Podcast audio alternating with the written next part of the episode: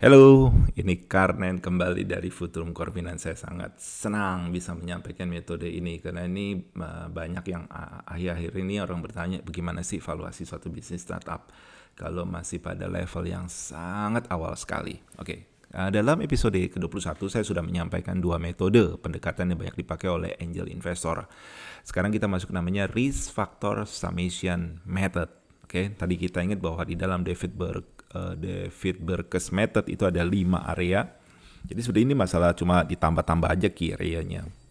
Dan, dan David Berkes itu memberikan porsi yang sama setiap key area itu 20% 20%. Kemudian kita masuk ke apa metode apa uh, scoring uh, scorecard method di, di situ ada tujuh lagi jadi ditambah dua dari yang lima itu tapi sudah memulai memperkenalkan market comms sebagai benchmarking dan kemudian uh, bisnis startup yang sedang direview itu di adjust ke uh, untuk melihat relatif value-nya di compare dengan benchmarkingnya. Dan ini bisa uh, di atas 100% atau di bawah 100% dan yang menarik daripada seperti saya uraikan di sebelumnya di scorecard method sudah memperkenalkan uh, porsi pentingnya daripada pada daripada masing-masing key areas tersebut berbeda-beda.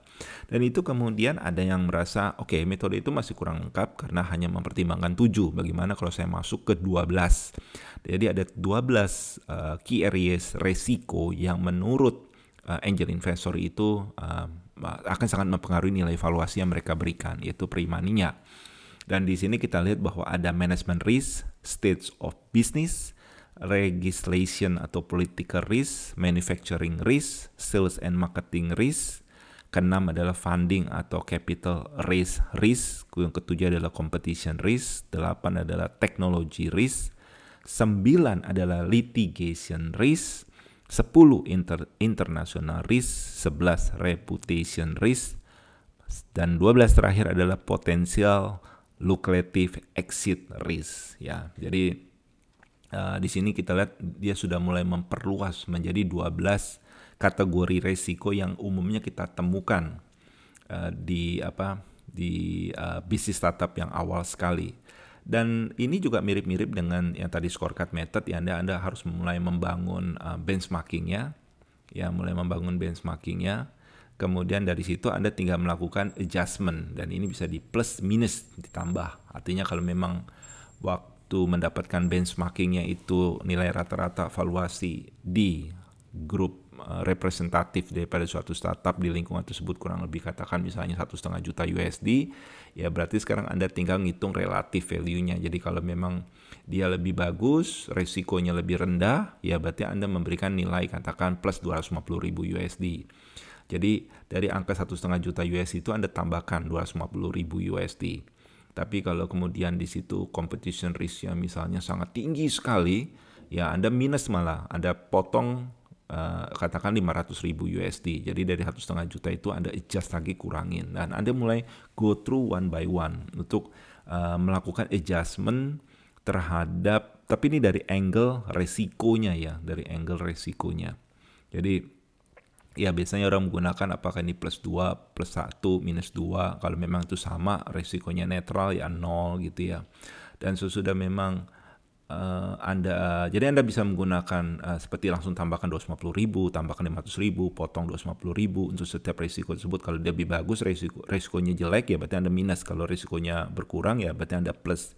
Dan Anda bisa juga menggunakan seperti angka aja, misalnya plus 2, kemudian minus 2, plus 1, minus 1 dan kemudian Anda jumlahkan 12 tersebut, katakan Anda mendapatkan plus 2. Nah, kalau plus 2 misalnya satu angka itu Anda taruh 250 ribu, berarti plus 2 tambah 250 ribu adalah 500 ribu. Jadi satu setengah juta USD, Anda tambahkan 500 ribu. Jadi pre-money valuation-nya adalah 2 juta USD.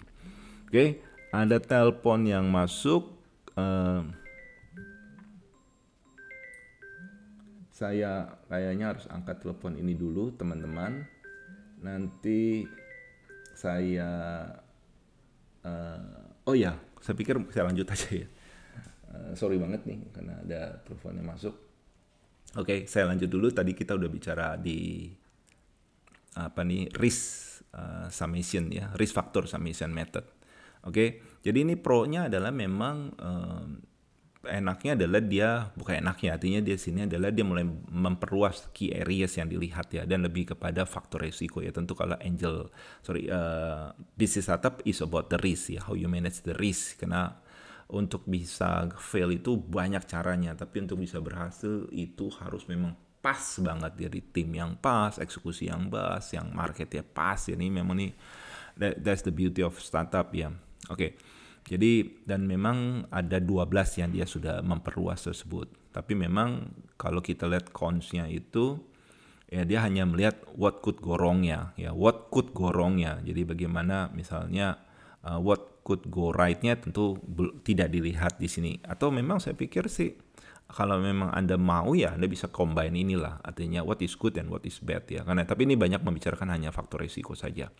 Dan another thing adalah dalam 12 risiko ini dia memberikan porsi porsi relatif uh, weight ya, jadi bobot yang kurang lebih sama lah. Artinya tidak tidak memberikan satu faktor risiko bobotnya lebih tinggi daripada yang lain. Dan ini memang salah satu kekurangan daripada kalau Anda menggunakan risk factor summation. Oke. Okay? Kemudian kita masuk ke satu lagi metode namanya venture capital. Oke, ini saya pengen suka venture capital ya karena ini konsepnya itu simple banget sebetulnya dikembangkan oleh William Salman Harvard Business School dalam satu study case dan um, di situ dia sebenarnya dia ingin melihat begini bahwa pada ujung-ujungnya kan sebetul oke okay, Anda untuk Anda kan sebagai investor ya jadi logiknya saya pikir dia berpikir begini ah Anda investor you are in the business of making money. Ya pada ujung-ujungnya Anda ingin mendapatkan uang Anda kembali dan kembali itu bisa menggunakan return on investment eh return of investment bukan return on ya. Kemudian kita menyebutnya juga money on money atau cash on cash atau multiple of invested capital. Jadi dana Anda kalau invest 1 juta US Anda dikembalikan 10 kali dalam tahun kelima berarti itu adalah 10 kali multiple-nya.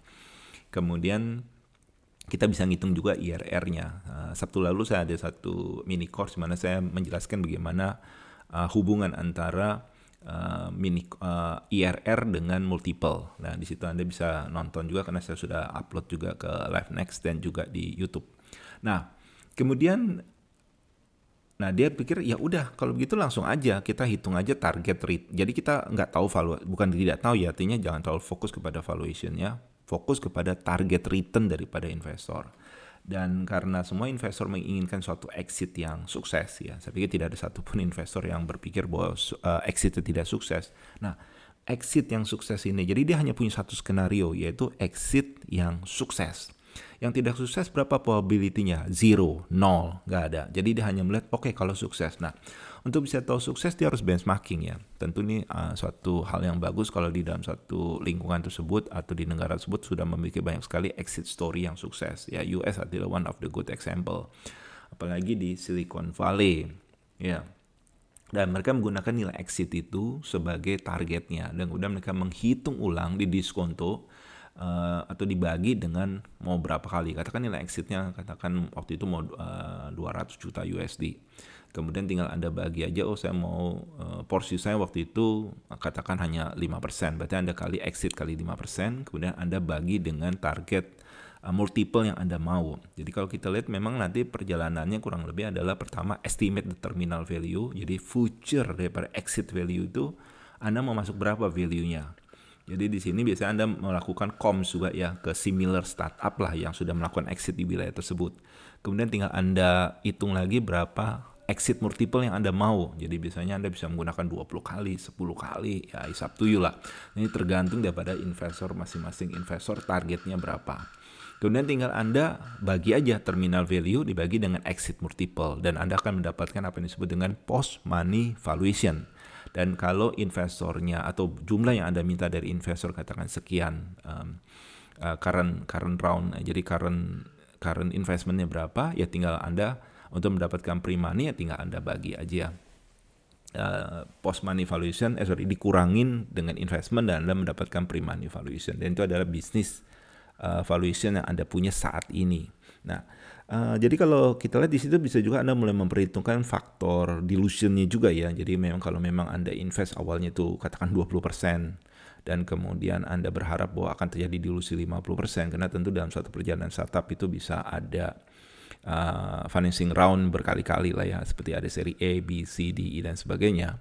Jadi dengan kata lain bisa aja Anda mulai terdilusi 50% dan dalam hal itu tinggal pre-money valuation-nya Anda kali berapa expected dilution Anda. Kalau memang 50% ya Anda kali 50% dan ini ada merupakan final pre-money uh, valuation daripada bisnis startup Anda.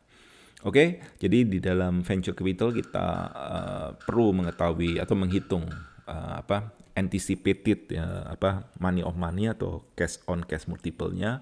Kemudian kita harus menghitung juga terminal value-nya. Jadi di sini kita sebetulnya nggak tahu nilai value saat ini nggak tahu. Yang tahunya adalah exit-nya. Kemudian berapa expected atau anticipated uh, return um, of investment Anda. Oke. Okay?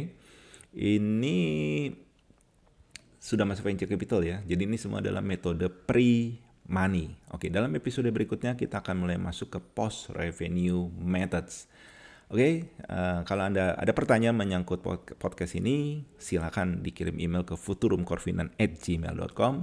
Saya akan meluangkan waktu untuk membaca email Anda dan menjawabnya. Dan apabila Anda membutuhkan uh, training atau sebagainya, silakan email ke kami pula. Terima kasih atas waktu Anda dan have a very very very very very sunny day today. Thank you. Ciao.